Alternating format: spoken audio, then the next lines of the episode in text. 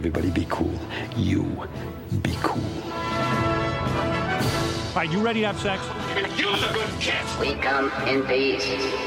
We come in peace. You are the motherfucking Antichrist! We're gonna let you go, okay? Ok. Film er best på radio. I'm gonna make him an offer he can't refuse. Nova Noir.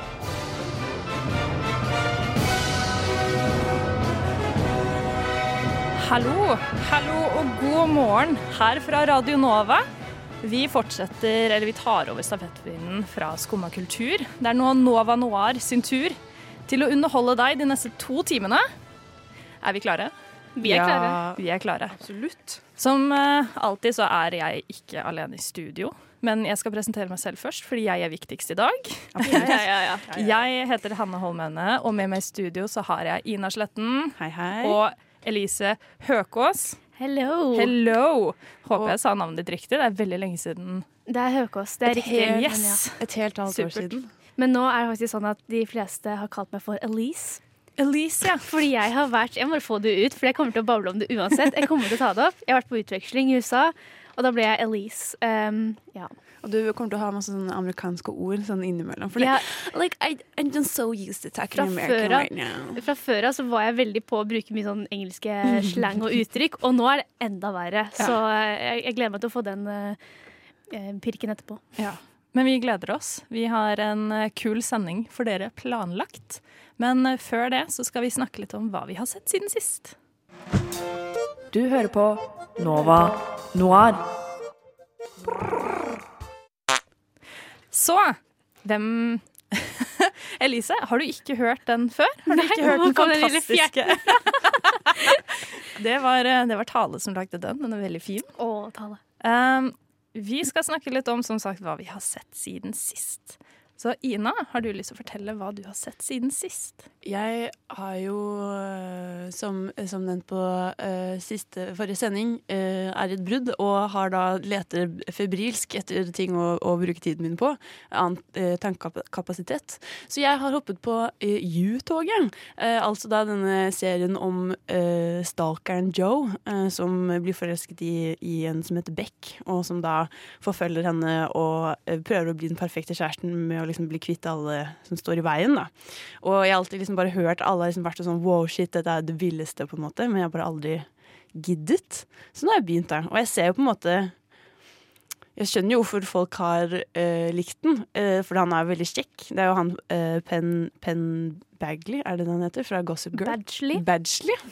Eh, og eh, han er jo ikke den classic eh, eh, ekle fyren på gata. Han er jo, selv om han står og runker på gata til tid og annen, så er det liksom Men han er så pen, så da er det ikke så ille. Unnskyld meg, runker han på gata i serien? Ja. Det, det, det er sånne ting jeg gidder ikke å se på. Nei, og det er, jeg tror ikke at det, det, er, er bare tidsfordriv, på en måte. Og det er ikke så veldig sånn Det er ikke dritbra. Det er litt morsomt fordi han, øh, han har sånne monologer hele tiden, eller han prater til publikum. Og det er veldig artig å bare høre hvordan han tenker. Fordi han er øh, jo åpenbart gæren, men han skjønner det ikke selv. Og, han, øh, og jeg, tror at problemet er at kanskje at folk romantiserer han litt. da. Eh, at det er sånn Men han vil jo bare elske henne og være den perfekte kjæresten. Men så, er det sånn, men så dreper han folk og er ekkel. Eh, bare fordi han er kjekk, så bare unnskylder det all den forferdelige oppførselen hans. Det minner meg litt om den der Ted Bundy-saken eh, Ja. som Netflix laga, og en annen, annen sånn Hulu eller noe sånt laga en- Var det den med Zac Efron du tenker på? Ja, Mm. ja, fordi det er også sånn sak hvor det er en, en eh, creepy killer dude Unnskyld, nå- det starter allerede. En ekkel eh, eh, morder som eh, blir litt unnskyldt fordi han er så kjekk. Og det blir sånn Men var ikke det som var litt sånn poenget med Ten Bundy sånn i utgangspunktet? da? At eh, folk trodde liksom ikke på at han kunne drepe fordi Ja, ja. han var så kjekk? Absolutt. Det var veldig sånn banebrytende i, den der, eh, i rettssaken også. At det Mm. var veldig mange av de hva heter det, jurymedlemmene som var sånn Han kan jo ikke ha gjort det, fordi han ser jo ut som en velstående ung kar, og han ser ut som han har livet sitt på dreis, men så er han egentlig inn, på innsiden helt gæren.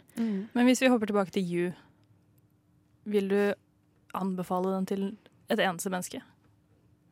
Og det er et godt spørsmål. Uh, jeg tror ikke det. uh, hvis du bare vil ha noe litt teit å se på, på en måte, kjør på. Men Ja. uh, jeg, det er ikke noe jeg uh, skryter opp i skyene, liksom. Det er det ikke, dessverre. Nei. Elise? Har Ja. du sett noe kult siden sist? Det har Siden jeg. sist er jo nå veldig lenge siden. Siden sist er sånn i fjor sommer, så jeg kan godt oppsummere Nei da. Men eh, eh, siste, siste tida, i hvert fall. Så har jeg, jeg er litt sein på det, men jeg, jeg har catcha up på The People versus OJ Simpson på Netflix. Ja, har dere sett den? Ja. Ja. oh, ja, men da, sånn. det er ja, men da, da veit dere det. Men i hvert fall, det handler om eh, eh, saken om OJ Simpson eh, i, på 90-tallet. 1995, tror jeg det er. Eller 4.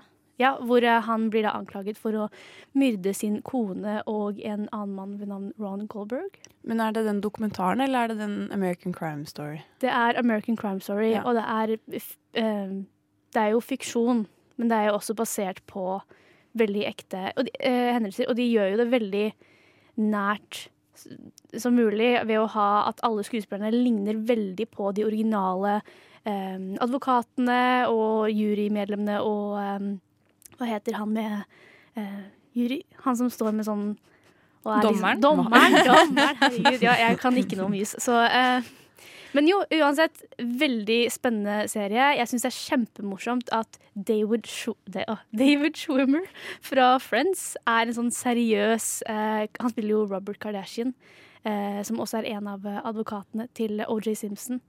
Eh, og det er veldig morsomt å se han i en seriøs rolle.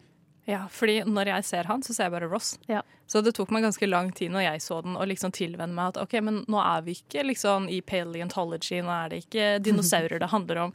Nå er vi seriøs advokat. Eh, og så drev jeg liksom fortsatt å liksom uh, lata som at han var liksom med i familiebilder sammen med alle Kardashian-folka. Og liksom at han passa liksom ikke inn. Fordi han ser jo ikke ut som Robert Kardashian. Så i hodet mitt så bare gikk jeg rundt med bilder med sånn derre Hvis jeg scrolla på Instagram, så kom det liksom fra Kim Kardashian sin Instagram. Så var jeg sånn Å, tenk om David Schwimmer hadde vært i bakgrunnen. Det hadde vært veldig morsomt. uh, og det var liksom mitt forhold til han gjennom hele den serien, egentlig. Og alle barna, altså Kim, Chloé, Courtney og um, moren Chris Jenner, er jo med i serien også, som Ja. jeg syns er litt sånn morsomt. Fnise litt av det, fordi det er jo en seriøs sak. Det er en mann som har blitt beskyldt for drap, og så kommer de og er sånn litt sånn spoiled kids i uh, California som, eh, som også er på en måte en, en eh, Hva heter det? De er jo også medrørende, da, på en måte. Ja. Hva med deg, Hanne? Jeg har eh, havna i en litt sånn der rar norsk sitcom-situasjon. eh, hvor jeg har sett på veldig mye Mot i brøstet, men jeg har sett Oh. utrolig mye på Lene Kongsvik sine sånne Kongsvik-serier. Så jeg har sett uh, Kongsvik-klinikken, Costa del Kongsvik sesong 1 og 2. Eh, jeg har sett Kongsvik ungdomsskole og den derre eh, Hva er den nyeste? Eh, Familien i Kongsvik eller noe sånt. Jeg har sett alt. Eh, så nå, og nå er personligheten min en blanding mellom alle de karakterene. Men blir du ikke lei? Nei! Jeg, jeg skjønner ikke hvorfor. Jeg trodde jeg skulle bli det, men jeg blir ikke det. Så nå går jeg rundt, og i den, i den klinikken og den Costa del Kongsvik eh, i en av de sesongene, så er det en sånn gammel dame som går rundt og liksom bare er fæl. Og hver eneste gang samboeren min eh, gjør noe da, så bare sier jeg liksom det hun ville sagt. Bare sånn, jeg syns ikke noe om det. Syns det er tull. Og han holder på å klikke. og jeg vet ikke. Jeg, jeg trenger liksom Kan noen sende noen anbefalinger? For jeg får slutte å se på Kongsvik. Men det jeg føler med Lene Kongsvik, er litt det samme som mange også føler med uh, Kevin Vågenes. Hvor det er, mange, det er sånn uh, klassiske replikker som nå blir ting man bare begynner å si i hverdagen fordi det er så morsomt, eller så relaterbart, eller så passende i ulike situasjoner. Så det er veldig sånn, det er sånn komiker som man bare inn, innvikler i hverdagen, på en måte. Ja, og hun har jo noen veldig sterke karakterer, og andre liksom, karakterer som ikke er så Som ikke er like gode. Da. Som for eksempel, jeg er veldig glad i han gingeren hans som heter Alex. Uh, og jeg bare digger at liksom, hans favorittuttrykk er 'å, balle'. Hver eneste gang noe går galt. Så når noe går galt, galt nå, så sier jeg så 'balle'. Og jeg, jeg klarer ikke å slutte. Men han er, jo hjelp. sånn, er ikke han en sånn tenåringsgutt som Jo. bare aldri på en måte helt vokser opp? Men Nei, på en måte han er har jo veldig lyst til å være kul, men han har hatt en faktisk karakterutvikling i løpet av de siste mm -hmm. sesongene. Holdt du kan si. prate om å analysere Kongsvik-seriene. Jeg Dette hadde jeg aldri jeg trenger mer Kongsvik. jeg har sett alt. Og det var jo bare sånn tilfeldig fordi jeg fant ut at Kongsvik-familien var en ting. Og da var jeg sånn Er hva mener, du, hva mener du med en ting? Nei, jeg fant ut at det var Siden hun lager jo ny serie i sånn veldig hermetegn med liksom ulike karakterer med ulike situasjoner og sånt. Og jeg hadde liksom fått med meg at dette eksisterte opp til Costa del Kongsvik. Og da trodde jeg at det var ferdig. Men det har jo kommet flere nye sånn vridninger og sånt. Og spoiler alert, holdt jeg på å si, men Kost, nei, Kongsvik-klinikken er spilt inn på Silurveien. Så hvis du har eksamensangst eller eksamensnerver og sånt, ikke se den serien. Fordi de filmer det liksom der du sitter og venter til at det kommer en sånn sur sensor og bare gå og sett deg. Gå og stryk. Så jeg fikk litt sånn Det må ikke være der. Hva, Men- hva er det? Unnskyld. Silurveien. Ja, det? Det er der sånn alle studenter i Oslo har hjem, sånn skoleeksamen. Å, ja, jeg har ikke sånn det. Vet du. Jeg går på sånn annen Du går på sånn annen skole, da. Ja. Kan ikke relatere seg. Men det er, det er sikkert hyggelig for alle som De skjønner har ikke sånt i USA, skjønner du. Nei. Ah. Nei, ikke sant. Der sitter dere i gymsalen, eller? Jeg hadde jo ikke sånn eksamen. Det er Nei, helt det- annet. Ok, men jeg tar, jeg tar imot anbefalinger uh, i hytt og pine, fordi jeg blir Lene Kongsvik, og jeg må slutte. Eh, nå skal vi ha en liten musikkpause før vi skal begynne å snakke om dagens tema. Så nå skal du høre 'Son of Wingdings'. What? Radio Nova. What Radio Nova, What Nova Noir. Vi er her ennå, og nå skal vi begynne med dagens tema. Som jeg hinta litt til på Skumma sin eh, sending. Vi skal snakke om Skal vi ha en drumroll? Skal vi si det i kor? ja, okay, det er gøy. ja, ja, sure.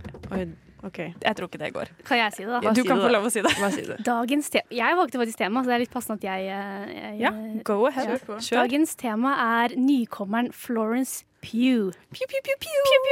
Ja, jeg visste den skulle komme. Etternavnet er da altså PUGH, så det er veldig, eh, veldig sånn eh, for sånn tvangstanker om å si Pug også. Men etter å ha sett utallige eh, interviews, så, eh, så, eh, så har jeg lært at det er Pew. Men hvem er Florence Pugh? Jo. Florence Pugh er en britisk dramaskuespiller fra mm, Oxford. Hun er da eh, 24 år og har liksom blitt veldig godt kjent sånn i det siste nå, egentlig. Mest for at hun også er Oscar-nominert for sin nå, nå jeg, nå Sin rolle? Si, ja, sin rolle. Jeg holdt på å si performance, så jeg prøvde å holde meg tilbake. For sin rolle i Little Women, som da nå eh, går på kino. Det har hatt premiere, eller er det nå? Nei, den har premiere på fredag. På fredag, ikke sant? Så ja, så vi skal snakke litt om eh, karrieren hennes, litt om henne, og litt om rollene hennes, som faktisk er litt interessante, hvilke roller hun har hatt inntil nå. Hun har ikke den lang, lengste eh, listen på IMDb, men det er mye interessant oppi der. Ja, for hun er jo bare 24 år gammel, men har likevel fått til eh, ganske mange kule og veldig forskjellige roller.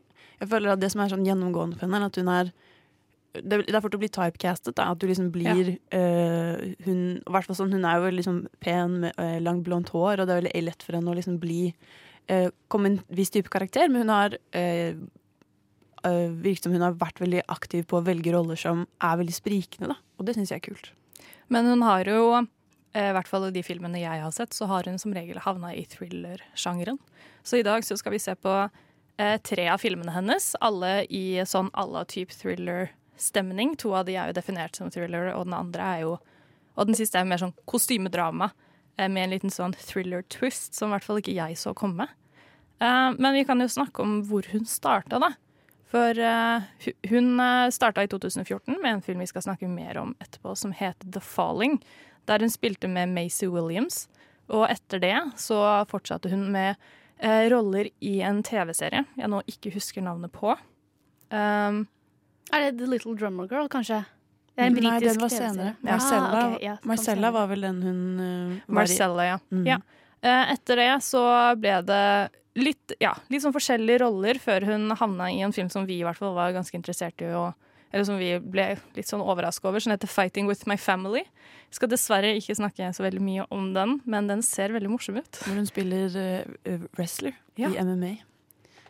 Uh, og etter det så har det jo uh, da vært 'Midtsommer', som er den eh, siste filmen vi skal snakke om i dag. Og eh, alle disse ja, rollene hun har, da, det er sånn som du sier, det er jo vanskelig å liksom unngå å bli typecasta. Men jeg har liksom følelse på at hun blir litt det likevel. Jeg tenkte på en ting, egentlig. Det er litt, jeg svarer egentlig ikke på spørsmålet ditt. Men hun har jo disse øh, gjennom... Altså, jeg tror det er veldig sånn Hun har gjort en så god prestasjon i, øh, i øh, tidligere filmer, sånn at det passer så greit til de neste, på en måte. Sånn, jeg eh, ser for meg at casting directors for um, 'Midtsommer' så veldig på også eh, henne i eh, Søren. Lady Macbeth, for eksempel. Ja. Der hun også er, måte, har liksom samme egenskaper på en måte, til den andre kvinnen. Og jeg tror at vi har jo, som du sier, at death thrillere hun liksom har endt opp i, men hun har også øh, endt opp med å, bruke, å ta mye kostymedramaer, sånn som Lady Macbeth. Ikke Death, men Macbeth. Hun har vært mye sånn Outlaw, uh, Outlaw King og uh, King Lear. Øh, og blitt liksom Og Little Women er også et kostymedrama. Mm. Så det virker som hun øh, har en eller annen forkjærlighet for det også, da. Eh, Enten om det er frivillig eller ikke, om hun har endt opp der. Men det jeg syns er interessant, er at hun har fått veldig mange gode sånn, bemerkelser på en måte, eh, av Vogue. Fordi hun har veldig bra stil, sånn faktisk. Har kjempe sånn fargerik, kul stil. Og det er sånn eh, Jeg har sett en del på intervjuer av henne nå i det siste. Og hun er så morsom at man skulle tro at hun var liksom en en sånn type uh, Judd Apatow-karakter. Sånn, eller sånn at hun var mer i sånn komiverden. Men hun er jo tvert imot. Så det, det tror jeg også legger til hvor fascinerende hun er da, som et, eh, som et menneske. Det som også er eh, eh, Hun har fått mye eh, i mye prat om det, i hvert fall. Eh, I det City hun dater jo er jo sammen med Zac Braff fra eh, Det Scrubs. blir litt sånn TMZ her, men OK. Er ikke det? Det er jo gøy å prate om, er det ikke det? Hun er, for han er jo 44. Og, Hun er eh, 24. 24. 24. Ja. Så det er 20 år imellom dem. Ja. Og uh, hun har jo vært veldig sånn utrolig kul på det, uh, har jeg i hvert fall syntes. At hun har jo fått mye sånn 'herregud, hvorfor er du sammen med en som er 44', på en måte. Så hun bare sånn, men Og så er det Zac Braff også, på en måte. og, Hva, ja. Hun bare eier det veldig. Ja, veldig sånn, men jeg digger han jo, så det, det har ingenting med dette å gjøre. Hun, virker som hun, har veldig sånn, hun er veldig sikker på seg selv og, og bryr seg egentlig ganske lite om hva andre tenker, virker det som. da. Hun er i hvert fall en veldig kul person, virker det som. Og vi skal snakke mer om eh, spesifikke fil eh, tre filmer hun har vært med i. Eh, men før vi starter med det, så skal vi høre litt musikk. Så da skal vi høre 'Annen tid' av Marcus Gordon. Nova Noir fordi film er best på radio. Så da begynner vi med første film. Eh, og da er det sånn klassisk at det er den første filmen hun var med på. Så nå skal vi snakke om en film som heter The Falling, som Florence Pugh spilte sammen med bl.a. Maisie Williams. Tenker jeg vi kan starte med en liten trailer. May I have absolute silence? Sit. Stand. Silence in the corridors and the communal areas. Skirts no more than two inches from the ground when kneeling. Who was the first person in your age group to show symptoms? You all know something is wrong. We're not kids anymore, Lam. Have you had sexual intercourse? I will not tolerate such conduct. What have I done to you? I'm not mad. Old secrets rise to the surface. OK. Jeg vet ikke engang hvor jeg skal starte. Jeg kan godt starte. Uh, ja. Det er greit? Ja. OK, så først og fremst, året er 1969, og vi har to bestevenner, Lydia og Abby, som er da spilt av Maisie Williams, som vi kjenner godt fra Game of Thrones, og vår eh, hovedtopic, Florence Pugh. Uh, de er sånn bestiser. Litt for nærme, kanskje. Litt sånn flørtete bestevenner. Eh, så man merker fort at liksom, seksualitet er et stort tema i denne filmen her. Ehm, så er det litt det der hvor mye kan vi egentlig fortelle om denne filmen her, fordi jeg personlig syns ikke den er så veldig verdt å ikke spoile, for det er ikke Ja. så veldig Jeg vil slå et slag med en gang for at ingen burde sette seg ned og se denne filmen. Ja.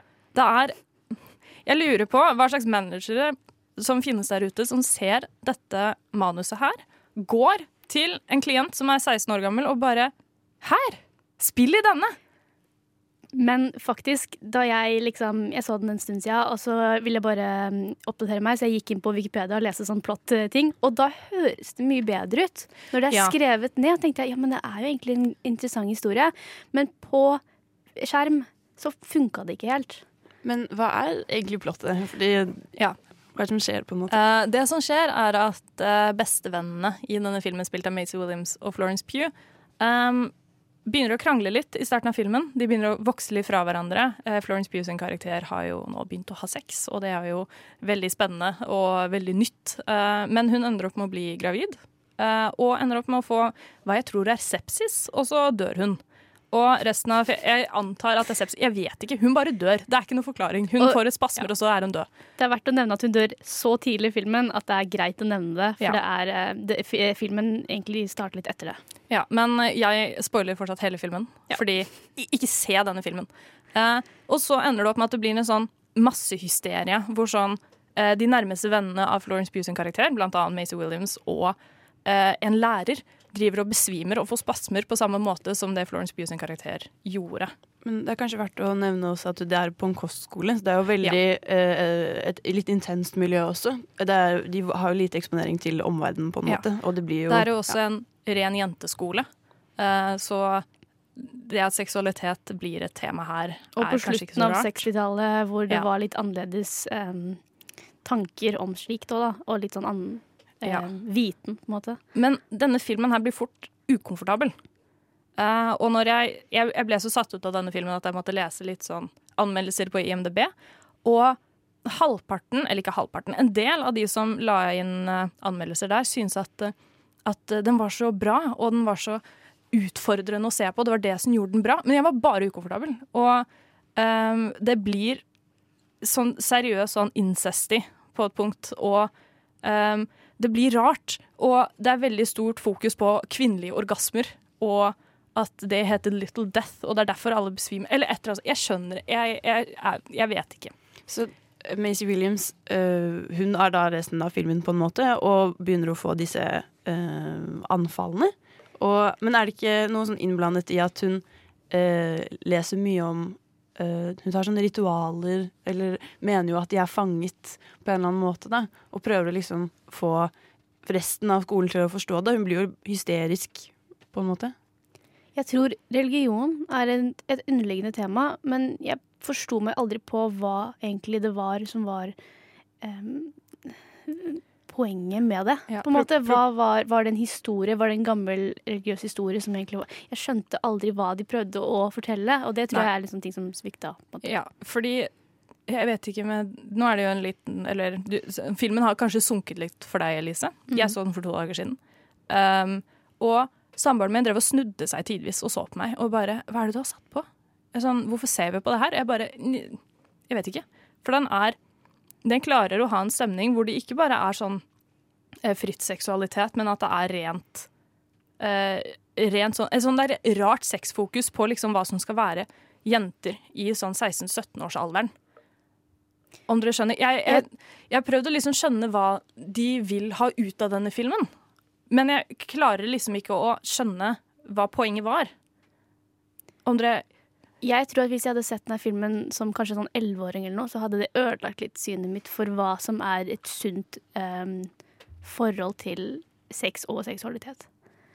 Men tror du ikke det er det den prøver å vise litt òg? At sånn, på 60-tallet så ble jo jenter sendt på ja, disse kostskolene. Og vi har jo fått ekstremt lite opplæring av det å bli kjent med sin egen kropp, det å uh, eie sin egen uh, seksualitet. Det er jo mye skam knyttet til det. Og da, dette er jo åpenbart da et, et, et marerittscenario hvor det klikker helt for en. Men det, hun prøver kanskje, regissøren prøver kanskje å ekse- eksemplifisere da, hvordan eh, en slik holdning til kropp og seksualitet kan bare føre til ja, eh, helt forferdelige ting. Som at du ligger med broren din?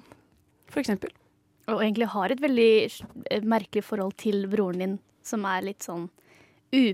Det er jo det som gjør det ubekvemt å Ja. se på også, men det som jeg syns også er litt interessant, er noe jeg ikke noe som ikke nådde fram til meg, men etterpå av å bare lese mer om filmen, så handler det egentlig mer om moren til em, Lydia, som er eh, da Maisie Williams sin karakter. Er det det det skal handle om? Egentlig, fordi hun lider av noe som heter agorafobi. Som egentlig er, som jeg skjønte, litt motsatt av em, den fobien av å være i småsteder. Så er på en måte agorafobi frykten for åpne plasser og store sosiale settinger med mange, mange mennesker. Fordi det er jo faktisk nevnt i filmen at hun ikke har forlatt huset på 16 år. Og hun har jo en sånn frisørsalong i huset, så hun drar aldri ut for å jobbe, men folk kommer til henne. Og um, det er jo noe som også virkelig um, tar seg opp etterpå, da, eller senere i filmen, at eh, hun faktisk Det er jo forholdet mellom moren og datteren. Men da har de jo bomma veldig. Fordi jeg følte at hele hovedfokuset var jo at, de, at det var en gruppe jenter som drev og besvimte, og at alle ville ligge med broren til Maisie Williams. Eh, for det var jo liksom Jeg vet ikke. Det var liksom, det, kanskje fordi det var såpass ukomfortabelt at det var liksom der jeg havna. Men jeg følte at fokuset på sex og fokuset på um, sånn generell seksualitet var liksom der man havna ganske fort. Men det er jo knytta til moren også, fordi moren eh, eh, ble jo voldtatt, og det var sånn hun fikk eh, Lydia, egentlig. Ja, Nå har vi spoila hele filmen. Gratulerer, du trenger ikke se den. Eh, filmen ender i hvert fall med at eh, Lydia klatrer opp i et tre. eh, Skriker at hun skjønner seg på verden, og så hopper hun i en innsjø, og moren må trekke henne opp. Og det er slutten av filmen. Jeg var like forvirra da som jeg er nå. Jeg skjønner fortsatt ikke helt. Og det at hun sier at det skal handle om moren, da, da Hæ? Det var liksom første setning på eh, når folk prøvde å skrive plottet. Men det at Lydia da er et, et barn av et voldtekt, hvordan påvirker det uh, Lydia når hun får vite det? Hun blir glad. Dritglad. Og så løper hun ut i skogen. Men Hun ler egentlig litt av moren sin. Hun driver og var sånn ah, 'Så jeg ser ut som han, det er derfor du misliker meg', ha-ha-ha. Og så løper hun. Jeg, jeg, jeg, jeg, skulle ønske jeg ikke så den filmen. Fordi den ble litt, det ble litt uh...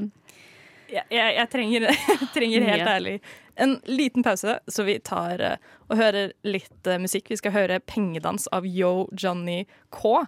Og etter det så skal vi snakke litt mer om Florence Pugh sin rolle i denne filmen. Nova Noir på Radio Nova.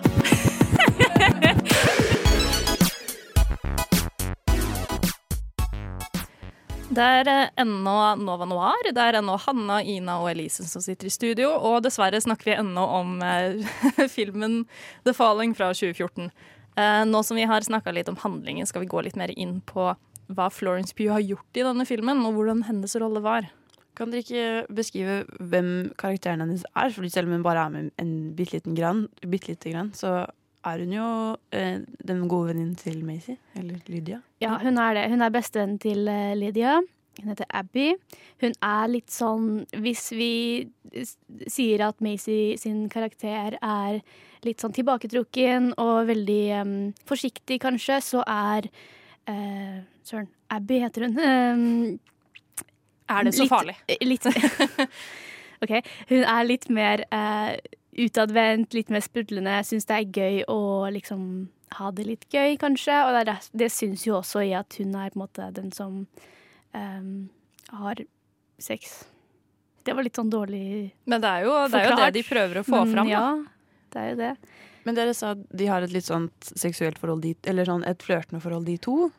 Det, det, er ikke, det er ikke rent seksuelt, men det er liksom første møte Det første vi ser uh, av de to sammen, er at de på en måte gir hverandre en lang, omfangende klem, og så sier hun mm, 'sommerfugler i magen'.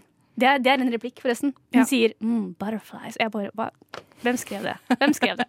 Um, det er jo eh, Carol Morley som skrev det, for så vidt. Um, og så eh, liksom, nusser de hverandre på pannen og sånn, som ikke trenger å være noe mer enn bare vennskapelig, men den energien de liksom Det er jo tydelig at det er noe mer enn bare et vennskap også. Uh, og dette forholdet går jo ganske nedover med en gang uh, Abby, som Florence Pugh karakter, sin karakter heter, ligger med Lydias bror. Um, som da er liksom, liksom forgangen for at eh, hun- Ja, ligger med Kenneth. Og det er sånn forgangen til at Lydia selv blir litt sånn interessert i Kenneth. Fordi Abby har jo vært interessert i Kenneth og har ligget med Kenneth. Og det, sånn som jeg skjønte det, var kanskje Kenneth til og med pappa av dette barnet. Det ble egentlig aldri helt forklart. Det tenkte jeg ikke over før du sa det nå, at hun er jo så uh, Macy sin karakter er jo så betatt av Florence sin karakter at hun Kanskje det er derfor hun faktisk har sex med broren sin, fordi det gjorde jo hun òg. Og så kanskje det blir som sånn derre til minne, eller noe sånt. Jeg vet ikke. Litt merkelig, men ja. Det høres ut som hun egentlig bare er forelsket i, i venninnen sin. Og Ja. prøver å, ja, som du sier, da, minne henne og prøve å finne tilbake til ok, hva er det jeg kan, hva er det jeg kan finne, hvordan kan jeg huske Abby på best mulig måte. Ok, det siste hun gjorde, var å uh, være forelsket i Kenneth. Og prøve å finne et eller annet da, som enten gjøre henne på samme nivå. Da. Det kan også bare hun er sjalu. At Abby får denne oppmerksomheten. At Abby er så vakker. Og hun fikk aldri Abby, men det gjorde Kenneth. Så hvis Kenneth vil ha henne, er hun da nesten på samme stadie som Abby, på en måte? Ja. Eh, det, er, det er der her problemet med denne filmen kommer inn. At det liksom blir ikke helt tydelig. Fordi det var det inntrykket jeg fikk. Det var ikke inntrykket som Elise fikk. Eh, men hele karakteren til Florence Pugh står liksom som en slags sånn eh, romantisering av liksom hvordan man er beste kvinne liksom for denne gjengen. da. Det er litt sånn rart, fordi hun blir på en måte den alle ser opp til, og alle må herme etter etter at hun har dødd. Eh, men jeg skjønte liksom ikke helt hvorfor, fordi hun døde jo. Um, av liksom handlingene hennes. Det er jo litt det de prøver å få fram. Det er jo som sagt Pew sin debutfilm. Hun var 17 år når hun, den, når hun var med. Og det var også hennes første audition, som hun også bare sto på med, Yes. med glans. Og eh, hvordan, hvordan er hun som skuespiller? Hvordan klar, viser hun at Kan du se der, da, eh, det talentet som har blitt til 'Midtsommer' og alle de filmene hun har vært med i nå? Det syns jeg faktisk Det er liksom de få gode delene er når hun er med, og hun begynner å bli syk, på en måte, kan man si. For hun begynner å få sånne kramper, hun begynner å besvime mye, og der ser du på en måte i kroppsspråket hennes og i ansiktet hennes, og hun er superdyktig på å få frem sånne litt sånn merkelige, vonde, ugne um, følelser, da, som ligger kanskje litt sånn dypt, og så kommer det fram, og så har hun sånn en, en, eh, så, så plutselig, så Hun dør jo også, og det er jo også ren skuespiller som er bare helt nydelig å se på. Med en gang hun var borte, så var filmen eh, Over. over. Egentlig, ja. Så det var sånn, hun er jo definitivt eh, Det var en veldig god debutfilm, for å si det sånn. Og jeg tror også det er noe mange har sett på senere, så, som eh, man ser senere i andre filmer. jeg mente at det hun bringer den filmen, har hun også tatt Hun med har- i senere filmer. På en måte. Den derre passionen for sånn dype eh, følelser. Ja. Nei, hun, hun er en veldig flink skuespiller, og den, sånn som du sier da, det er jo den eneste delen som jeg faktisk koste meg med når hun var med i de første sånn 25 minuttene, og så døde hun. Uh, og resten av filmen er jo liksom Den faller litt kort da, i forhold til for eksempel Maisie Williams. Sorry, ass, men det, det gikk ikke bra. Uh, he- det, det skjedde et eller annet uh, ved den rollen hvor hun ikke klarte å eh, uttrykke seg spesielt godt, med mindre hun spilte mot Pew. Um, så jeg vil si at uh, det er egentlig Florence Pugh som redder litt denne filmen, i hvert fall i starten. da. Denne filmen har jo satset litt på uh, unge, kanskje uerfarne skuespillere. Sånn Mace Williams hadde jo vært med Game of Thrones, men det var, ikke, det var 2014, så det hadde ikke vært veldig lenge. Og det kan jo hende at Nå vet jeg ikke om dette var kanskje det første hun gjorde etter øh, en av de første tingene hun gjorde etter Game of Thrones, som da er veldig imponerende, da, å ha en så stor rolle uh, etter og, og klare å skille seg så Egentlig det er jo veldig annerledes fra det Game of Thrones driver med, i hvert fall. Så det, det i seg selv er jo ganske imponerende. Da, at hun å At hun får en rolle som bare er så ja, utfordrende. Så gikk det kanskje ikke så veldig bra, åpenbart. Men uh, ja. Det var en film som satser litt på de uerfarne. Det er kult. Og det er jo gøy å se um, filmer med så mange jenter. Så det er litt sånn teit å si, fordi det er basert på en jenteskole, så selvfølgelig er det jo det. Men det er jo det, vi har bare kun én mannlig karakter, og det er broren Kenneth. Og det er litt sånn Han høres ikke så hyggelig ut. Nei han, er Nei. ikke, nei, han er ikke så kul, han. Han eh, Skuespilleren der har forresten vært med i Jeg skjønte ikke hvor jeg hadde han fra. Han har vært med i en annen serie som heter Naken, der han eh, er, der han er sex addict. addict. Heter den Naken, eller heter den Naked? Den heter Naken på norsk. Det heter okay. et eller annet, jeg tror det heter Skin eller noe sånt på engelsk. Skins? Uans- Ikke Skins. Nei. Okay. Nei. Okay. Ja, uansett. Jeg, jeg føler meg litt ferdig med denne filmen. Sånn egentlig. Ja. så nå skal vi høre på litt mer musikk, og så skal dere få høre en anbefaling av Julie Oskar Andersen når vi kommer tilbake. Where do you come from? From Sweden. Sweden, Yes. very good. I'll make you the beauty picture together. Come on. One, two, smile, good one. Du og mannen din er endelig på en familieferie i Sveits. Vi er her fordi Thomas jobber så jævlig mye. Så nå får han fem dager til å bare fokusere på sin familie. I solen glimter høye, hvite fjelltopper dekket av hvit snø. Et ras utløses plutselig, men fortsatt ganske langt unna. Eller Mannen din forsikrer deg om at det ikke er farlig. Dette kommer til å gå så bra, så. Bare at blikket bedrar ham. Snøen som raste nedover fjellsiden, er truende og vokser og vokser og kommer nærmere hotellet. Og til slutt er det ingen tvil om at dere er i livsfare. Du griper dine to barn og kaster deg over dem før alt blir hvitt. Snøraset rakk heldigvis ikke frem. Og alle er trygge. men klarer ikke å se mannen din noe sted. De andre gjestene ler litt nervøst og setter seg tilbake på plassene sine. Og mannen din kommer joggende tilbake fra et eller annet sted. It was quite uh, shocking. I, everyone is fine. I mean, they, they Yeah, know what they're right. doing and He got so scared that right he ran away from the table. Dette er konflikten i regissør Ruben Østlunds mesterverk 'Turist'. Den skal altså ikke forveksles med 'The Tourist' med Johnny Depp og Angelina Jolie. Svenske Johannes Ba Kunke og norske Lisa Loven Kongsli gjør en strålende jobb som ekteparet og de to hovedrollene. Det er også en flott gjesteopptreden av selveste Kristoffer Hivju du kan se frem til. Filmen sier noe om samliv og ekteskap, og hvordan vi blir konfrontert med vårt aller innerste selv i pressende situasjoner.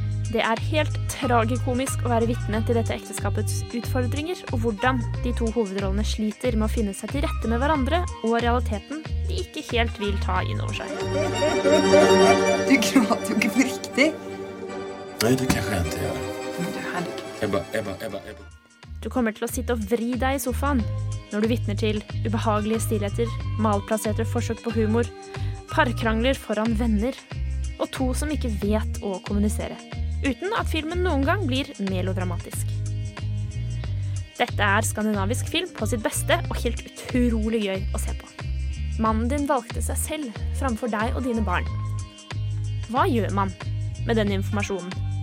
Hvordan kommer man seg tilbake fra noe sånt som ektepar? Det er en amerikansk remake lovet nå i 2020, med Will Ferrell og Julia Louis-Dreyfus. To komediske talenter, uten tvil, men filmens kjerne skal behandles med varsomhet og respekt. Så jeg er skeptisk til om de har det som trengs. It looked like it was gonna kill us. For a and moment. The kids were screaming because it felt like we were gonna die. Pete? Wow. And I look over at Pete, and he had grabbed his phone. Pete left us. Humoren ligger jo i nyansene og sårbarheten vi er vitne til. Og jeg er ikke sikker på at regissør Nat Faxon og Jim Rash klarer å levere det de skal. Denne ukens anbefaling er altså Turist. Ta deg en titt, men kanskje ikke med en partner hvis du opplever litt samlivstrøbbel akkurat nå. Da kan det kanskje trigge en enda større krangel, eller verre, et brudd. Så vær varsom. Jeg jag hade reagerat om du hadde gjort sånn mot mig. Nova Noir gir deg ukas kinopremierer.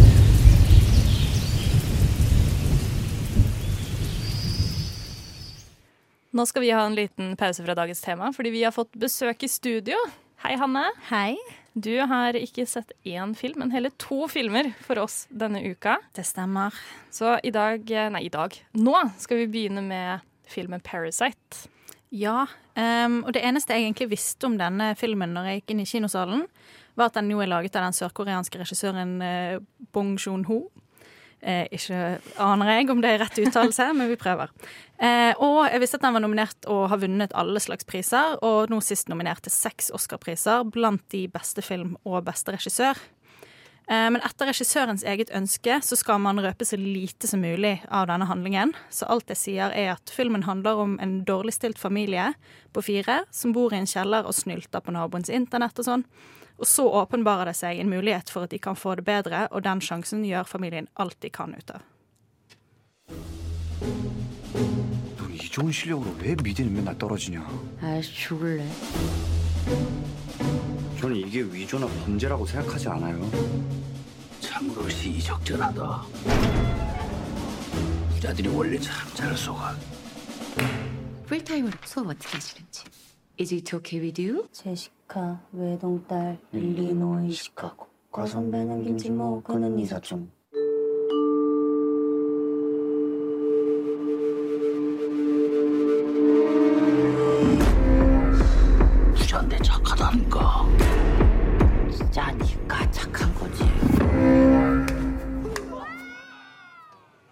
Ja, Um, jeg vet ikke om dere skjønte så veldig mye av det der. jeg. Jeg skjønte alt, faktisk.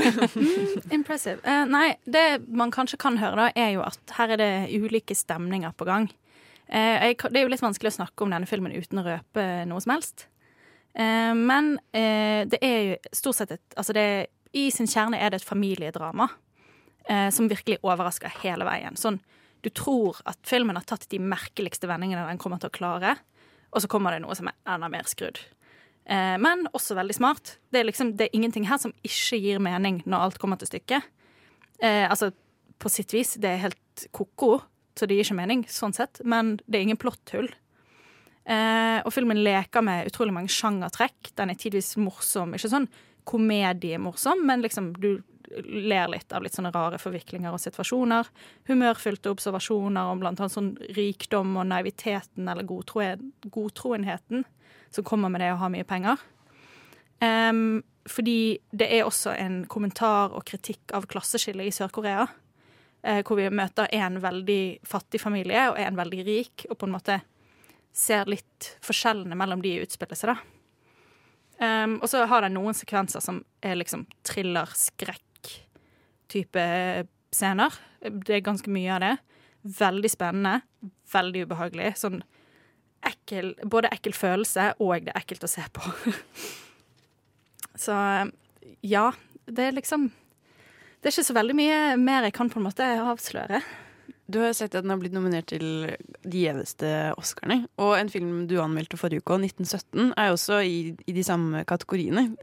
Og jeg føler at de har jo på en måte blitt litt uh, under, altså sånn overraskende mye uh, oppmerksomhet rundt de to. Hvordan føler du den stiller seg i løpet mot 1917? Og det er jo, det er jo totalt forskjellige filmer. Um, uh, altså det, det, det som er fellestrekket, er at de er teknisk veldig gode, begge to. Eh, veldig sånn i, Også i Parasite er det veldig smart og vakker sånn cinematografi. Bilder og vinkler som bringer filmen til liv. Eh, og den benytter seg mye av det at det er mye spilt inn i liksom et veldig sånt fancy rikmannshus. Med liksom sånt, det som typ sånne rette vinkler og sånne store åpne rom og masse vinduer og sånn. Og det bruker de veldig til å liksom Altså få liksom det beste ut av bak Altså, det ser, ser veldig bra ut hele tiden, da. Um, og så som du også hørte fra det lille trailerklippet, så er filmmusikken sånn som veksler mellom veldig sånn lystig og rar, og sånn creepy, skikkelig skummel. Men det er jo HBO har jo kjøpt opp rettighetene til Parasite for å lage en eh, Jeg vet ikke om det var en serie, men i hvert fall en amerikansk da, eh, fortsettelse på Parasite. Tror du det hadde fungert på samme måte i USA? Um, um, oi. Det, dette det ante ikke jeg. Det var veldig interessant å tenke på. Um, altså det er mye, jeg tror det er mye som kan oversettes på en måte bare til Det, det, det er veldig sånn universelle Noe av det er veldig universelle tema, selv om den er distinkt sørkoreansk. Og har med særlig liksom hvor store klasseskillene er der. At det er liksom du bor De, de som er fattige her, de, de jobber med å pakke pizzaesker, liksom. Og får betalt dritt for det, og bor i en kjeller som liksom kloakken kan renne inn i hvis det regner masse og oversvømmes. Eh, og liksom sånn et klipp som du også ser i traileren, er at det er sånn her skadedyrkontroll utenfor, og de er bare sånn Nei, nei, vi må bare la vinduene stå åpne, så får vi gratis sånn der eh, ja, eh, gift inn i Ja, ja, ja. Gift inn i huset vårt. Og sitter de der og liksom hoster og kveles, men så er de sånn Nei, men vi har ikke råd til å betale for å gjøre det skikkelig, så Nei. Jeg ble nesten litt redd for sånn Oldboy 2.0 eh, men når jeg hørte om det HBO-greiene selv. Men Hanne, hvis du har lyst til å gi denne filmen en slags Eller en score, Ja. eller en karakter, hva hadde du gitt den da? Um, ja, jeg føler OK. For å oppsummere, så er Ja, dette er en veldig rar trip du er med på. Eh, det, altså det er snålt, men det er veldig kult, og det er veldig godt spilt. Um, man har, dere har kanskje sett eh, eh, eh, Han ene som spiller faren i familien, han var med i også Snowpiercer, som eh, Bong Joon-ho har regissert før. Og han hadde en liten rolle i Lady Vengeance, som jeg tror vi har snakket om eh, i Radio Nova før. Vi skal gjøre det om ikke Skal så vi gjøre det? altfor Ok. lenge. Mm. Spennende. Følg med. Ja, generell oppfordring. Eh, se sørkoreansk film, for det er fett. Det er også denne. Jeg syns det var noe av det rareste og kuleste jeg har sett på lenge. Eh, Åtte av ti. Åtte av ti! Mm. Wow! Mm. Da fikk vi en åtte av ti til den sørkoreanske filmen 'Parasite'. Eh, Du skal få bli her litt til, du Hanne, for du har enda en film du har lyst, eller som du skal snakke om.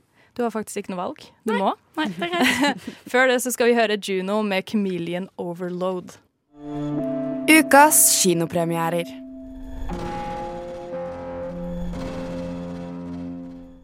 Hanne, du er her ennå? Ja, det er jeg. Og denne filmen har jo vi allerede snakket en del om. Det snakket vi om forrige uke. For Greta Gerwig har regissert det som faktisk er den syvende filmatiseringen av Little Women. Eh, som handler om fire søstre som vokser opp på slutten av 1800-tallet. This is Meg, Amy, Beth, and Joe.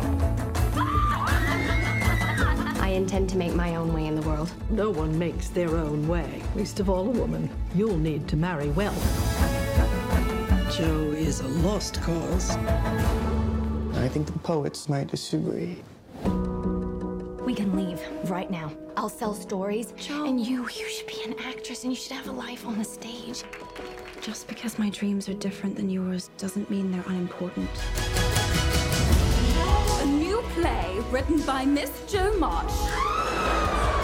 Women, they have minds and they have souls as well as just hearts. I want to be great or nothing. And they've got ambition and they've got talent as well as just beauty. And I'm so sick of people saying that love is just all a woman is fit for. I'm so sick of it.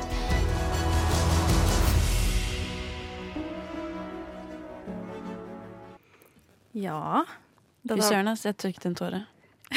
Den traileren der er sterk. Altså. Ja, den er det. Eh, ja, OK. Uh, Little Women handler altså om disse fire søstrene. Den eldste av de fire er Meg, spilt av Emma Watson. Så er det jo Joe, spilt av Saoirse Ronan, som er den av søstrene vi følger nærmest. Og hun vil bli forfatter og tjener liksom penger på å skrive dramatiske små historier for en avis. Så det er Amy, spilt av Florence Pugh, som vil bli maler. Og så er det den yngste søsteren eh, Beth, spilt av Eliza Scanlon, som var kanskje mest kjent som lillesøsteren til Amy Adams i Sharp Objects. Eh, så bare der er det ganske stjernespekket. Men så har vi jo også ehm, moren til disse jentene, spilt av Laura Dern, og tanten, som er spilt av Meryl Streep, og den rike nabogutten Laurie, spilt av Timothy Chalamet. Så mange folk å hold, følge med på, og i tillegg så følger vi de i to tidslinjer. Eh, filmen er jo basert på en bok, eller rettere sagt en bok i to deler.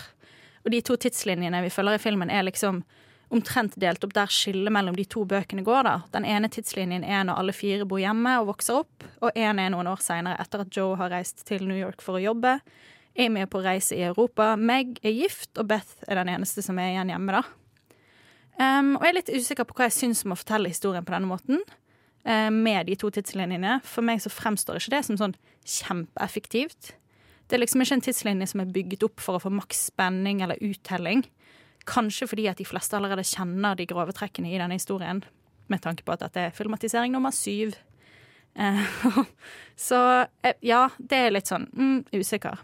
Kan jeg spørre om, har du, Kjente du til historien før? Jeg har lest boken. Oh, ja, du har det, Eller ja. bøkene. Mm. Um, så det kan, jo, det kan jo ha innvirkning på det. Den ble jo faktisk sist eh, filmatisert i 2017, på en, ah, men da var det en serie. Og det var med hun Maya Haak, for eksempel, datteren til Uma Thurman og uh, Ethan Haak.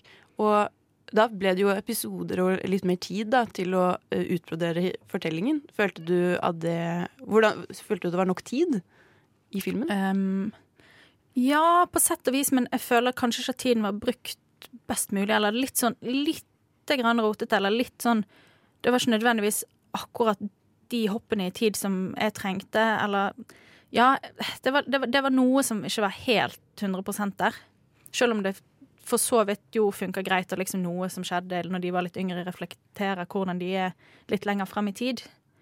Uh, men ja, men det smarteste som Greta Gerwig har gjort, det er med måten hun forteller denne historien her på, er at hun har fremhevet det som allerede er i historien, uh, for et moderne publikum, da. Og fremhevet det som var unikt da, som ennå er aktuelt i dag. Særlig med at Joe har lyst til å forsørge seg sjøl, hun vil skrive historier. Hun ønsker ikke å gifte seg, ikke i liksom store bokstaver. Eh, og Saoirse Ronan er jo fantastisk. Altså, den Oscar-nominasjonen, den er fortjent. Eh, og ja Ikke en direkte spoiler, men Og det er litt, vi hører litt klipp av det i traileren. Den ene scenen hvor hun er ganske emosjonell. Eh, det, der hun liksom snakker om den fortvilelsen i at hun ikke har lyst til å gifte seg, men samtidig så føler hun seg så ensom. Og det er bare sånn heartbreak. Knus, gråt, snørr, liksom. Men fordi dette er en eh, Florence Pugh-sending, og hun tilfeldigvis er med i denne filmen, hvordan synes du hun gjør det? Um, ja, hun spiller jo Amy, som er en karakter som er litt grann vanskelig å få tak på. Hun er tilsynelatende den av søstrene som er mest sånn overfladisk eh, jente-jente, på mange måter. Men samtidig Og ja, hun har et sånn rivaleri gående med Joe, da, at det er de to søstrene som er mest uenige og krangler og opp mot hverandre. Men samtidig så har de fremhevet dette med at hun eh, vil bli maler, og liksom ønsker å gjøre det skikkelig bra, og det, det er godt. Og jeg syns jo at, hun, at Florence Pugh spiller det godt, men hun er kanskje ikke den som blir gitt mest å spille på. Men for eksempel, eh, Vi snakket om det på forrige sending. Dette med for eksempel Lara Dern er nominert til Marriage Story for beste birolle. Ja. Um, og det var veldig sånn hun spilte, Vi følte jo at hun spiller seg selv, på en måte. Men hvordan er hennes birolle i, i Little Women i forhold til Marriage Story? Her spiller hun ikke, ikke seg sjøl, eller i så fall spiller hun en veldig søt og snill og god eh, versjon av seg sjøl. Burde hun heller blitt nominert for det? Mm, Det er kanskje ikke en stor Eller sammenlignet med rollen i Marriage Story, så er det jo sikkert like store roller, egentlig. Kanskje, kanskje det er en kombinasjon av de to, da. Fordi at spekteret Hun viser jo mer spekter med at vi ser på begge disse to, da. Hvis du har noen, eller har du lyst til å gi denne filmen her en score også? Ja. Um, jeg koste meg veldig. Jeg er veldig glad i denne historien. Usikker på hvordan det er for noen som ikke kjenner til den, hvis det er noen folk som liksom ikke har fått med seg på en måte de store tingene som skjer. Jeg vet ikke, Har dere bare kjapp eh, Ja, fordi det er noe jeg tenker på nå om, om jeg skal vurdere å dra og se på, uh, se på filmen. Fordi jeg Mm. kjente historien så godt. Jeg har ikke sett den, men jeg har blitt spoila på både via Friends og via internett og via alt annet. Så veit jeg hva som skjer, så er det på en måte verdt å ta en titt på uh, Gervik sin versjon, på en måte. Ja, ja, ja det, det er det absolutt. Jeg syns det er en veldig, veldig fin versjon. Koste meg, ble rørt, gråt, lo. Eh, selv om det er noen små ting som jeg ville eh, synes var litt merkelige valg, så lander jeg på syv av ti. Så absolutt severdig. Selv for de som ikke kjenner til historien? Ja, sikkert særlig for de. Ja. Tusen takk for at du var innom og anmeldte hele to filmer for oss. Nå skal vi snart, eh, snart gå tilbake til vårt hovedtema i dag. Eh, før det så skal du få høre litt musikk. Du hører på Nova Noir. Hey, who do you think you are, anyway? Answer me, or I destroy you. Da skal vi videre til Florence Pugh igjen, eller fortsette med Florence Pugh igjen. Vi, skal, eh, vi er heldigvis ferdig med den grusomme filmen eh, The Falling, og skal nå gå over til Lady Macbeth, eller Lady M, som det også står noen steder. Do you love me? Of course. Do you adore me? Of course. Through hell and high water, I will follow you.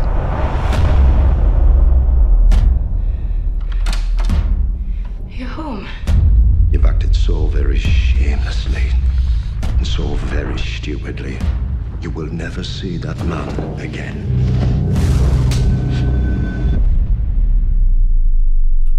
We did it so that we could be together here. You did it for us. We did it. Where's your husband? You've heard nothing from him? Not a word. Given Mr. Lester's recent demise. My husband is not deceased. He is assumed so, He is missing. but presumed dead. Her eh, er vi igjen i litt sånn ekkelt farvann når det kommer til sånn filmmusikk og stemning. Med, Eh, kos med kostymedrama, da. med, ko men kostymedrama. Og dette er en stor forbedring fra The Falling. En bratt Eh, kurve, for å si det sånn. Ja. Men hva, hvem er Lady Macbeth? Lady Macbeth er um, Florence Pugh uh, sin rolle. Nå blingser jeg helt på hva karakteren hennes heter. Lady Catherine. Catherine. Um, Catherine Lester. Catherine Lester. Hun er gift med en eh, mann som er veldig rik. Flytter inn i eh, huset hans og blir egentlig behandlet som en dukke. Som skal bare sitte der og være pen. Det er verdt å nevne at dette er 1865, så hun er ikke egentlig bare gifta, men hun er også på en måte kjøpt opp av faren til denne mannen, eh, som også bor i dette huset med dem. Som er en litt sånn gammel, skrullete Ikke skrullete, det er feil ord, men eh, streng og Ja. ekkel mann. Um, og sånn som vi hørte her, så hun Hun vet jo ikke engang hvor mannen sin er. Mannen er jo egentlig ikke spesielt interessert i henne som kone. Um, han um, uh, altså, han er borte. Han er borte ganske store deler av filmen. Fordi han, hun er jo kjøpt opp som kone. Han er egentlig ikke så veldig interessert i henne. Eh, til og med eh, på bryllupsnatten, når de selvfølgelig skal do the thing, så legger han seg. Og hun står der naken og bare Ja. Og eh, senere ser vi også det her skje, flere ganger, at, hun, eh, at han på en måte Ja. Eh, fikser det selv, og hun på en måte bare står der. Og det er et veldig stort eh, Altså visuelt bilde også på denne ulykkeligheten i eh, ekteskapet, hvor egentlig ingen av dem vil ha hverandre, egentlig. Eh, han er jo egentlig ikke Han er jo en stressa eh, herre, og hun er en eh, Hva er ordet? Ikke, hun, er, hun er jo trist. Hun er jo, eh, hun er jo på en måte litt fanget. Ja. Men når mannen hennes forsvinner, så blir hun eh, veldig opptatt av eh, en av guttene som jobber i stallen. Stallgutten. Sebastian. Stallgutten Sebastian. Og det er jo her dramaet starter, fordi hun eh, er jo utro. Oi, oi. Veldig lite greit på 1800-tallet. Eh, noe som Det er vel litt ikke så greit å være utro i dag òg, da, men, Nei, men, men særlig særlig De snakker veldig sånn der 'vi kan bli hengt, ho-ho', og så har de sex en gang til. Um, det er litt spennende, da. Det er litt spennende. Sånn, det er så farlig at man blir litt sånn Det, blir litt, det gjør det litt Det høyner eh, opplevelsen sikkert for dem. Det gjør det. Uh, filmen er veldig visuelt slående. Jeg syns den er veldig, veldig vakker. Den bruker eh, et veldig sånn uh, begrensa fargespekter som gir en sånn veldig kul stemning. Um, hvor eh, liksom, det er et sånn lokk. Det virker som at det liksom er lagt lokk på hele den verden, og de som eksisterer der, er bare de eh, som finnes på en måte i hele verden. Og hele ver ja, altså den verden blir liksom litt fargeløs, litt toneløs, litt eh, litt blek, liksom. Det er interessant det du sier om liksom, bildet, fordi for meg føltes filmen ofte som et maleri. Eh, Ja. At det er, er veldig, den er veldig stille. Det er mange stille steder med hvor det er eh, Hva heter det sånn eh, Litt sånn ikke, Stillheter? Nei, nei, nei, når du ser hele bildet, og du ser alle elementene. Du ser en forgrunn, mellomgrunn, bakgrunn, og det er på en måte forskjellige farger. Det, er, det føles som et maleri. Og det er litt interessant, fordi manuset er jo også basert på et stykke som heter Lady Macbeth of the Met Metsensk District. Det er russisk, og det er skrevet av Nikolai Leskov, som en russisk, var en russisk eh, journalist og skribent på 1800-tallet. Så det gjenspeiles veldig fint i cinematografien, egentlig. Eh, som også liksom høyner hele filmen og ja. Men eh, som, sånn som vi hørte da, så blir jo dette her det, det er jo flere som dør i løpet av denne filmen. De faller jo som fluer, egentlig hele gjengen. Eh, og um, der mista jeg litt uh, hva poenget mitt var. Ina hadde et uh... Nei, jeg bare lurte fordi du sa det er basert på et stykke. Og da lurer jeg på hvordan Nei, det sa jeg stykke? Jeg mente novelle. Da jeg bare lure Fact check, hvordan, det var en novelle. hvordan dialogen og For det er, det er jo åpenbart et kostymeramme, så da prater de jo eh, gammeldags. Det er jo veldig formelt, og de snakker med hverandre som om du liksom står foran en jury som skal dømme deg, liksom. Det er jo veldig sånn når hun ber liksom folk fuck off, så sier hun liksom 'you wasted my husband's time'. Som en veldig sånn And good money. And good money, som en sånn fuck off.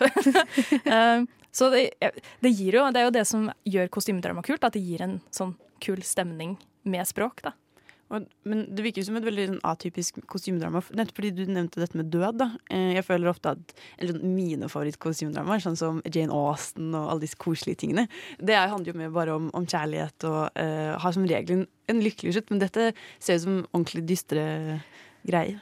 Det blir jo verre og verre for hver eneste scene du kommer ut til. Du starter liksom med sånn sympati og ender opp i en sånn ha! Litt sånn at du bare ønsker å ta avstand. Da filmen startet, var jeg litt redd fordi jeg, jeg personlig ikke er så glad i kostymedramaer. Eller jeg har liksom ikke helt funnet noe som virkelig har fanget meg. Um, fordi jeg var litt redd at den her skulle være veldig lang, stille og litt sånn Aldri kom til poenget. Men den, det er så mye god drama, og igjen Skuespillet til Florence Pugh er veldig sterkt, og du ser um, hennes sinne og liksom Hun blir på en måte mer og mer befridd uh, jo lenger og lenger hun kommer unna denne uh, grusomme mannen hennes, uh, som ingen De, de verken elsker hverandre. Vi skal fortsette, vi skal gå inn i Florence Pugh sin rolle som Catherine etter en rask sang. Nova Noir.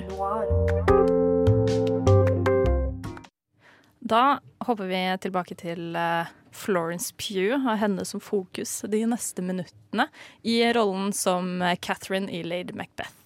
Jeg lurte på hvorfor heter hun Lady Macbeth? Hun heter Lady Macbeth. Jeg tror det er inspirert av eh, de sosiale forholdene man ser i stykket Macbeth til Shakespeare. Fordi stykket til Shakespeare handler veldig om hvordan mennesker er fanget i en livssituasjon. Og at eh, pga. sosiale regler som at du er gift eller eh, at du er datter, eh, ikke har noe å si. Fordi du er familie, og da skal du være der. Så det, det er jo det som er et gjennomgående tema i hele filmen. da, At hun er fanget. Hun er sosialt fanget, hun kommer seg ikke unna. Hadde hun stukket av, så hadde hun jo f.eks. blitt hengt. Eh, Så det å være såpass låst da, i sin situasjon er jo er nok grunnen til at eh, det er Macbeth da, som em, har endt opp som navnet. Jeg føler klassiske kostymedramaer ofte spill, har veldig mye sånn um, Hva heter det minimalistiske roller. At du å Du skal jo være veldig streng med deg selv, du skal ikke vise mye, mye følelser. Samtidig Det er veldig mye sånn uh, spill med øynene og sånn, føler jeg ofte er gjennom hvordan, Og hun har jo spilt mye dette med i The Falling, hvor hun er eh, får alle disse spasmene, og kanskje har litt, hatt litt tydeligere ansiktsuttrykk og et litt tydeligere skuespill. Hvordan gjør hun det i Lady Macbeth, egentlig? Jeg syns at eh, hun holder rollen sin fram på en veldig god måte. Hun eh, spiller jo, eller hun har jo fått den sosiale rollen som kona til en rik mann, og holder den veldig godt. Men man ser jo at den fasaden brytes ned med Sebastian, og hvordan hun blir Hun oppfører seg på en helt annen måte. Sånn arbeidet med kroppsspråk der er veldig fascinerende å se på. Fordi man ser jo at hun er virkelig seg selv, da eh, når hun er med Sebastian. Hun slapper av, hun eh, er litt flørtete, hun beveger seg på en veldig annen måte som ikke er så stiv og så satt.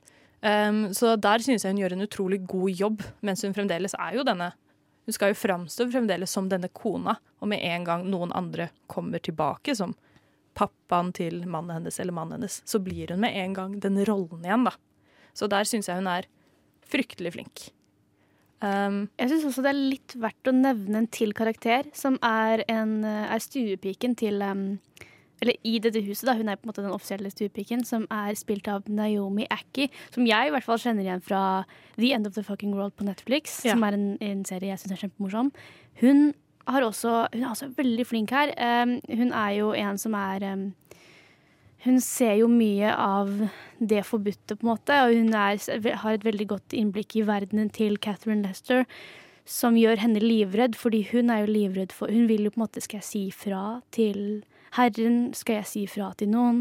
Hun er veldig redd for sitt eget liv, og hennes skuespill også reflekterer liksom en annen type redsel, da, på en måte. Eh, også veldig, veldig fantastisk. Nydelig casting, egentlig. når, eh, eh, når stuepiken og eh, Catherine snakker med hverandre, så har de en spesiell dynamikk. Eh, og den kommer jo av da, at stuepiken ser alle disse hemmelige forholdene, og kan jo vite at hvis hun sier noe, så kan jo hun også risikere å bli drept.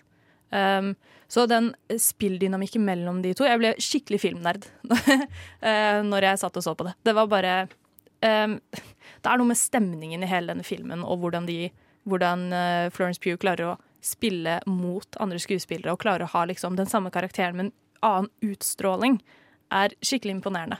Jeg føler hun er en skuespiller som ikke tar hele rommet, men heller også tillater andre til å måtte, bli med i hennes um, Hennes spill? Hennes spill, ja, på en måte. Eh, og det, det tror jeg også er eh, en grunn til at hennes suksess har liksom stupt så veldig også, fra eh, til å naile første audition på The Falling, og så, ja, nå, eh, få disse rollene senere. Så hvis vi skal bare gi deg en sånn kjapp anbefaling, da, deg lytter, så se Lady Macbeth og drit i The Falling. Vi skal straks komme tilbake. Før det så skal du få litt musikk. Du lytter til Radio Nova. Da skal vi gå over på siste temafilm for i dag. Og det er en film som vi i Noir har snakka ganske mye om den siste tida. Eh, også Oscar-nominert. Og vi hadde hadde den på eh, Den var vel nummer fem, tror jeg, på beste filmer fra 2019. Ja. Vi snakker oss. om 'Midtsommer'. Da tenker jeg eh, at vi kan høre en liten trailer først. Christian says that you've got some special thing planned. Yeah, it's like a crazy nine day festival. It only happens every 90 years.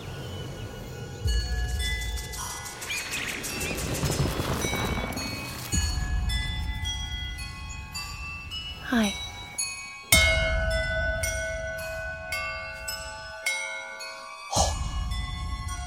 Hello. Theodore. You can't speak. You can't move. But this opens you up to the influence. Midtsommer handler jo da om eh, Dani, eh, spilt av Florence eh, Pugh, eh, som er i dette forholdet med, med Christian. Og det, når filmen begynner, så skjer det en, en tragedie med, med, med Dani som hun sliter veldig hardt med. Og er samtidig da i dette forholdet med Christian som ikke går sånn helt på skinner. Men eh, Christian ser, at hun har det vondt, så han inviterer henne med på uh, en guttatur til Sverige. For de skal uh, observere og oppleve en, et slags sånt uh, ek, sånn veldig lite samfunn i Sverige som feirer da midtsommer, som det er en sånn festival, på en måte, da. Og det byr jo på eh, Det er jo Ja, det byr på mye rare situasjoner. Og den er jo en film regissert av Ari Aster. Som, hans, debutfilm var jo eh, 'Hereditary'. En helt forferdelig, men utrolig god skrekkfilm. Ja, Det var jo den skrekkfilmen der du måtte bli hentet fra Nei, jeg, kinoen. jeg, måtte, jeg var alene hjemme, så jeg måtte ringe eh, kjæresten min som var på hytta. Og han måtte følge meg hjem, eller sånn, han måtte prate med meg på Ja, telefonen. Hjem og opp i leiligheten og inn på rommet mitt, for jeg kunne låse rommet mitt. Uh, for jeg klarte ikke å være alene. Uh, så det var ikke et sjakktrekk fra min side. Men uh, det sier litt om den kraften Ari Aster og den, den, den kunstneren han er, da, at han klarer å ryste et menneske så hardt. Ikke sant. Um, du så den i går, Elise, og da fikk vi Jeg og Ina fikk en litt morsom melding som var Jeg hadde gleda meg til å spise middag. Det skjer ikke nå. Nei, jeg mista helt matlysten. Og jeg vil også bare først si at jeg er ikke en som tåler så veldig mye skrekk. Jeg elsker thriller. Thriller. Thriller. Ja, thriller. Um, Har ikke du vært i USA i sånn seks måneder? Sånn? Det var bare fire, egentlig. Men det føltes mye lenger ut. Eh, apropos USA, morsom ting. Da jeg flytta inn i sånn dorm room, heter det, jeg må si det på engelsk, dorm room, så spurte en av de meg om vi feira midtsommer i Norge, for hun hadde akkurat sett filmen. Og da var jeg, jeg hadde ikke sett den, og jeg huska ikke helt hva det var. Så jeg sånn, ja, nei, det er sånn svensk greie. Og jeg tenkte på liksom sånn type eh, sommerfester hvor vi, blomster er liksom tema. Eh, men jeg tror hun kanskje ble litt redd da, hvis jeg sa at ja, ja, det er liksom sånn greie vi har. Men det er jo egentlig ikke det, fordi det her er jo noe helt annet. Noe mye mer eldre. Men jeg føler jo det er grunnet i den, den klassiske midsommerfeiringen. Sånn som dette med å løpe rundt eh, det korset. Eh, og alle disse blomstene, som du sier, og de hvite kjortlene og eh, fletter og alt. Hvis, du ser på bilder fra midtsommerfeiringen, som er jo eh, veldig stor i Sverige, så er det jo, det er jo på en måte, Han har jo bare gjort den dritekkel. For det er jo, hvis du, tenker, hvis du kommer utenfra, sånn som fra USA, og så kommer du hit og ser på en sånn feiring, så kan det jo ved første øyekast se ganske sånn creepy ut. Jeg skjønner jo på en måte det. Det jeg syns er så kult med denne filmen, som også var veldig kult i Lady Macbeth, er at den bruker farge veldig godt. For dette er en veldig lys film. De fleste, altså alle svenskene i eh, denne eh, ikke landsbyen, men dette lille samfunnet, de går med hvite klær. Litt sånn type bunadklær, tradisjonelle klær.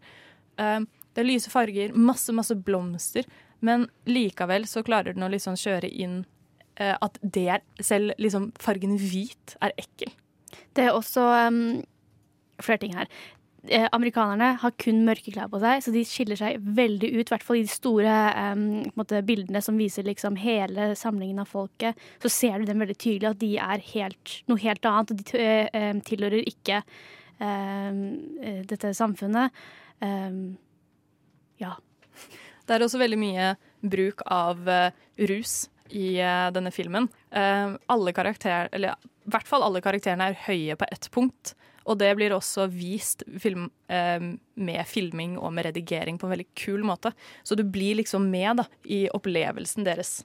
Det jeg syns var veldig kult med 'Midtsommer', er jo Den er jo ikke like skummel som 'Hereditary'. Den er ekkel, men jeg føler aldri at og, du, og jeg satt hele tiden og ventet på at jeg skulle bli redd, men mens med 'Midtsommer' så er det egentlig bare en ekkel stemning, og du føler du er jo med på den reisen som eh, den gjengen er. Men jeg føler 'Midtsommer' handler jo i bunn og grunn, hvis du går forbi alt det rare og alle de eh, syke tingene som skjer, så handler det bare om et destruktivt forhold.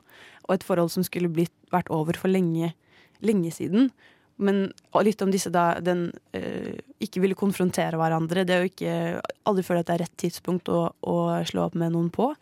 Og når er det riktig å gjøre det? Og da til slutt da at det blir At det forholdet blir bare en vond ting. da Noe som egentlig begynte som noe veldig bra. Nå skal vi ha en eh, liten sang, og så skal vi gå inn i Florence Pugh sin rolle i 'Midtsommer'. Nova Noir. Hva synes dere om Florence Pugh sin rolle i 'Midtsommer', da, som Danny? Jeg syns jo at Og dette var jo mitt første møte med, med Florence. Og jeg syns at hun har et veldig uttrykksfullt ansikt. Noe som jeg syns var veldig kult. Eh, Hun har denne sorgen eh, som hun portretterer utrolig Det virker som at hun har hatt eller når jeg, tenker, når jeg tenker på innspillingen, så utrolig tungt hun har hatt det. Og jeg tror jeg hørte et intervju eh, Jeg hørte et intervju hvor hun pratet om at det, majoriteten av tiden så hun, satt hun bare og hadde på seg hø høretelefoner og tenkte på at søsteren hennes hadde dødd. og det må være en Hun har vært gjennom en sånn utrolig tung prosess, da, det å filme uh, 'Midtsommer'. Så jeg ble bare ekstremt imponert over henne, og spesielt nå at jeg følte sånn Hvem er hun? Hvorfor har jeg ikke sett henne før? Har hun gjort ting før? Og det, jeg ble bare ja, utrolig imponert. En ting som jeg var litt redd for i starten av filmen, var jo at hun blir jo på en måte litt dratt med på denne gutteturen. Og ingen av de guttene syns hun skal være med han Christian. Og da, da kunne det fort blitt at hun ble irriterende. At hun ble en sånn å, hun må være med på det her. Og på en måte at hun er litt sånn, hun klager mye og bla, bla, bla. Men hun har jo Jeg syns hun på en god måte viser at hun har det vondt, og hun også er hun veit jo selv at hun er i et forhold hun ikke vil være i, men det er på en måte noe med å beholde på det ene gode du har. Og jeg syns hun på en måte Det kunne godt være på en måte Ja, hun har jo gjort det veldig godt, men um, Men jeg, føler, jeg syns hun var dritirriterende. Jeg husker det at jeg var sånn herregud, hvis jeg hadde kjent deg i virkeligheten. Var Gjennom hele, eller? Jo, altså det ble jo bedre etter hvert når du liksom ble bedre kjent med henne. Men sånn, eh, jeg, jeg kjente Eller jeg forsto gutte... Eller vennene til han kompisen så sykt. Jeg var jo sånn herregud, så sykt irriterende at hun liksom skal bli med på alt Mm. og ikke tar et hint, da. Mm, og det syns jeg bare var egentlig veldig fint fra eh, filmen sin side. At det er sånn Du skal ikke liksom digge henne. Det er ikke meningen at du skal heie på henne egentlig før sånn etter hvert. Nei, jeg, jeg hadde litt sånn um, Jeg fikk litt sånn sympati, sympati for henne med angående den gutteturen.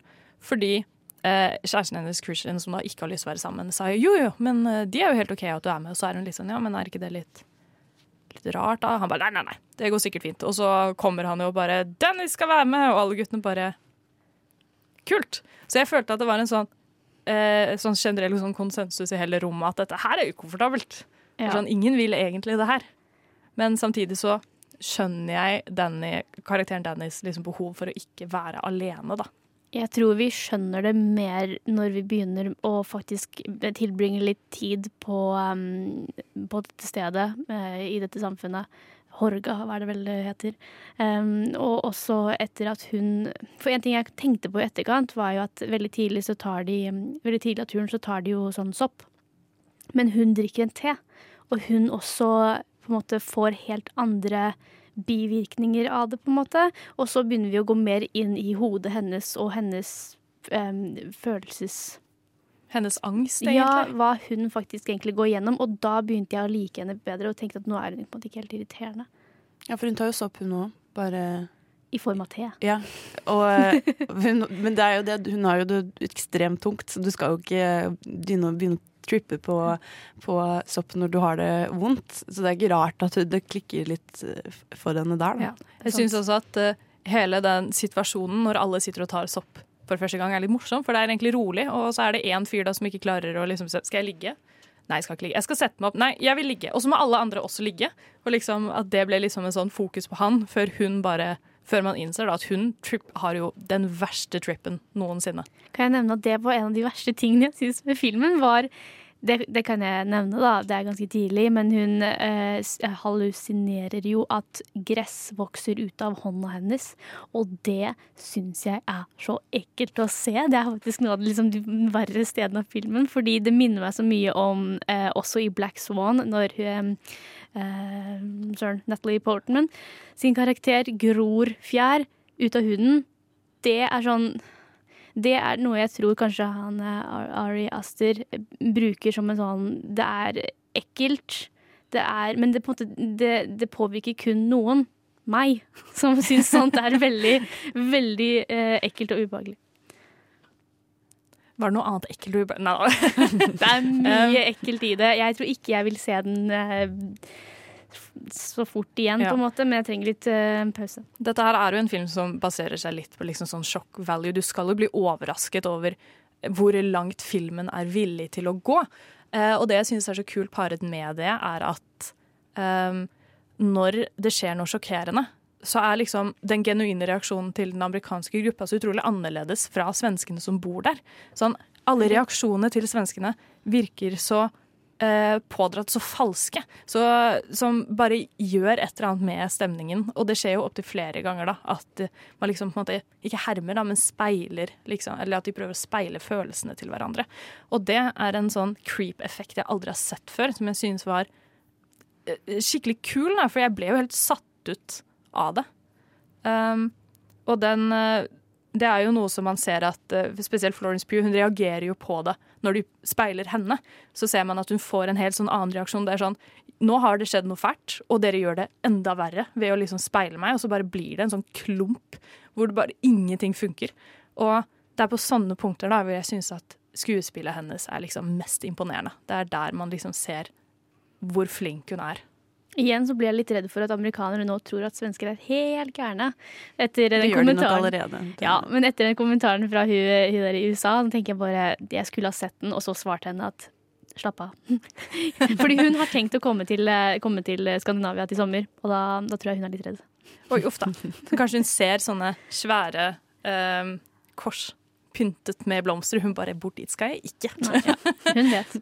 um, det her er en film som jeg ikke kan anbefale nok om du ikke har sett den. Den er fantastisk, egentlig. Det, jeg, har ikke, det, jeg har ikke noe annet å si. Den er fantastisk. Jeg kan ikke si noe mer heller, for det ødelegger jeg. Jeg har noe å si. Den Du er noe å si? Men det er, det er en skrekkfilm, i bunn og grunn. Og det er noen bilder som jeg syns var altfor ubehagelige. Og jeg vet f.eks. et par folk jeg kjenner som også er litt som meg, som ikke tåler det.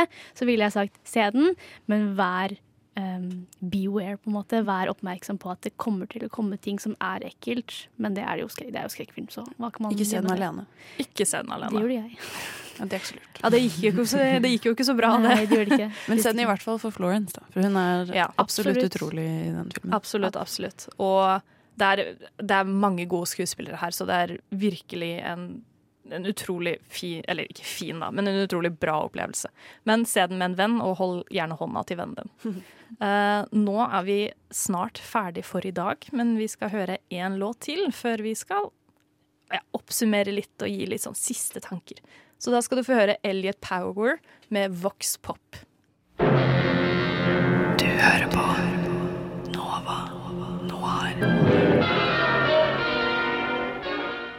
Nå er vi dessverre snart ferdig med dagens sending om Florence Pugh, og jeg er lei meg, for jeg kunne snakket om henne ganske lenge, merker jeg.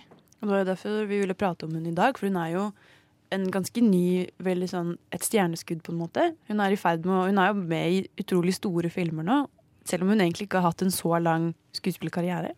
Og vi kommer jo til å se henne videre og kanskje også prate med henne, fordi hun skal jo annet være med i Black Widow med frøken Scarlett Johansen, som forresten jeg liker. Kan vi bare få det ut? Hun er ikke Kontroversielt. Jeg føler at eh, forrige uke ble litt mye hat på det. Jeg vil bare si her, hun er faktisk eh, ganske eh, mangfoldig med skuespillet sitt. Nei, nå må vi spore av. Uansett, hun kommer, eh, Florence Pugh er da også med i Black Widow, spiller mot henne, så jeg gleder meg veldig til å se eh, åssen de kommer til å eh, sam, altså, spille sammen, da, egentlig. Eh, Florence er nok et hakk bedre. Nei, jeg bare tuller. Vet du, hva, jeg, faktisk, Jeg er helt enig. Jeg syns det er greit, fordi jeg digger Florence eh, veldig. I hvert fall nå. Men sånn som vi har snakka om, da, så er hun jo veldig flink på å eh, gi andre skuespillere spillerom. Og eh, klarer å liksom matche eh, de andre på settet ganske godt. Så jeg gleder meg veldig. Og jeg tror hun kommer til å ha en ganske lang og kul karriere. Nå er den jo eh, Ja, nå er den jo ganske kort, men den kommer til å bli veldig bra. Det var det som var Vi har poenget. høye forhåpninger. Den har, ja, veldig høye forhåpninger. Den har vært kort, men innholdsrik, kan man si. Og sprikende, som vi har sett fra de filmene vi har pratet om i dag, da hun begynte uh, allerede tidlig med å være uh, noe for seg selv, og har på den, de årene hun har hatt uh, en skuespillerkarriere, valgt mange forskjellige roller og fått lov til å vise flere sider av seg selv. Og det syns jeg er ekstremt imponerende. Og det håper jeg hun fortsetter å gjøre. på en måte Og jeg er på en måte litt sånn nysgjerrig. Liksom, hva mer får du til, ditt lille geni? Ditt lille geni. Ditt lille geni. Og så er hun også, kan vi bare nevne at hun er veldig kul sånn på Instagram. Hun har hatt sånn lang sånn My Story med sånn, eller My Story-innlegg ting masse sånn, om eh, kaktusene sine, og de har fått sånn der utvekst. Og det, er sånn, det er så små, teite ting, men hun er morsom. Så det er nesten jeg har lyst til å se henne gjøre noe morsomt, kanskje. Jeg håper i hvert fall at uh, du der ute har uh, fått øynene opp for en veldig flink og ny skuespiller. Håper at du tar deg tid til å sette henne og se disse filmene. Vi anbefaler det veldig. Uh, jeg vil bare gi en personlig anbefaling om å hoppe over The Falling. Og Dropp ellers den. dropp den. Bare ikke gidd. Ellers så er det mye bra. Vi har jo hatt to anmeldelser i dag. Det har vi også hatt. Det var Parasite som fikk åtte av ti, og Little Women med Florence Pugh som fikk syv av ti. Så om du har lyst til å dra på kino, så vet du hva du skal se. Eh, Jeg har vært Hanna Holm Aune, og med meg i studio har jeg hatt Ina Elisabeth Sletten. Og Elise Høkås. Og bak som teknikk har vi hatt Ragnhild Bjørlykke. Vi håper at du har lært masse kult i dag, og vi gleder oss til å se deg igjen neste uke. Samme tid, torsdager 10 til 12. God helg! God helg!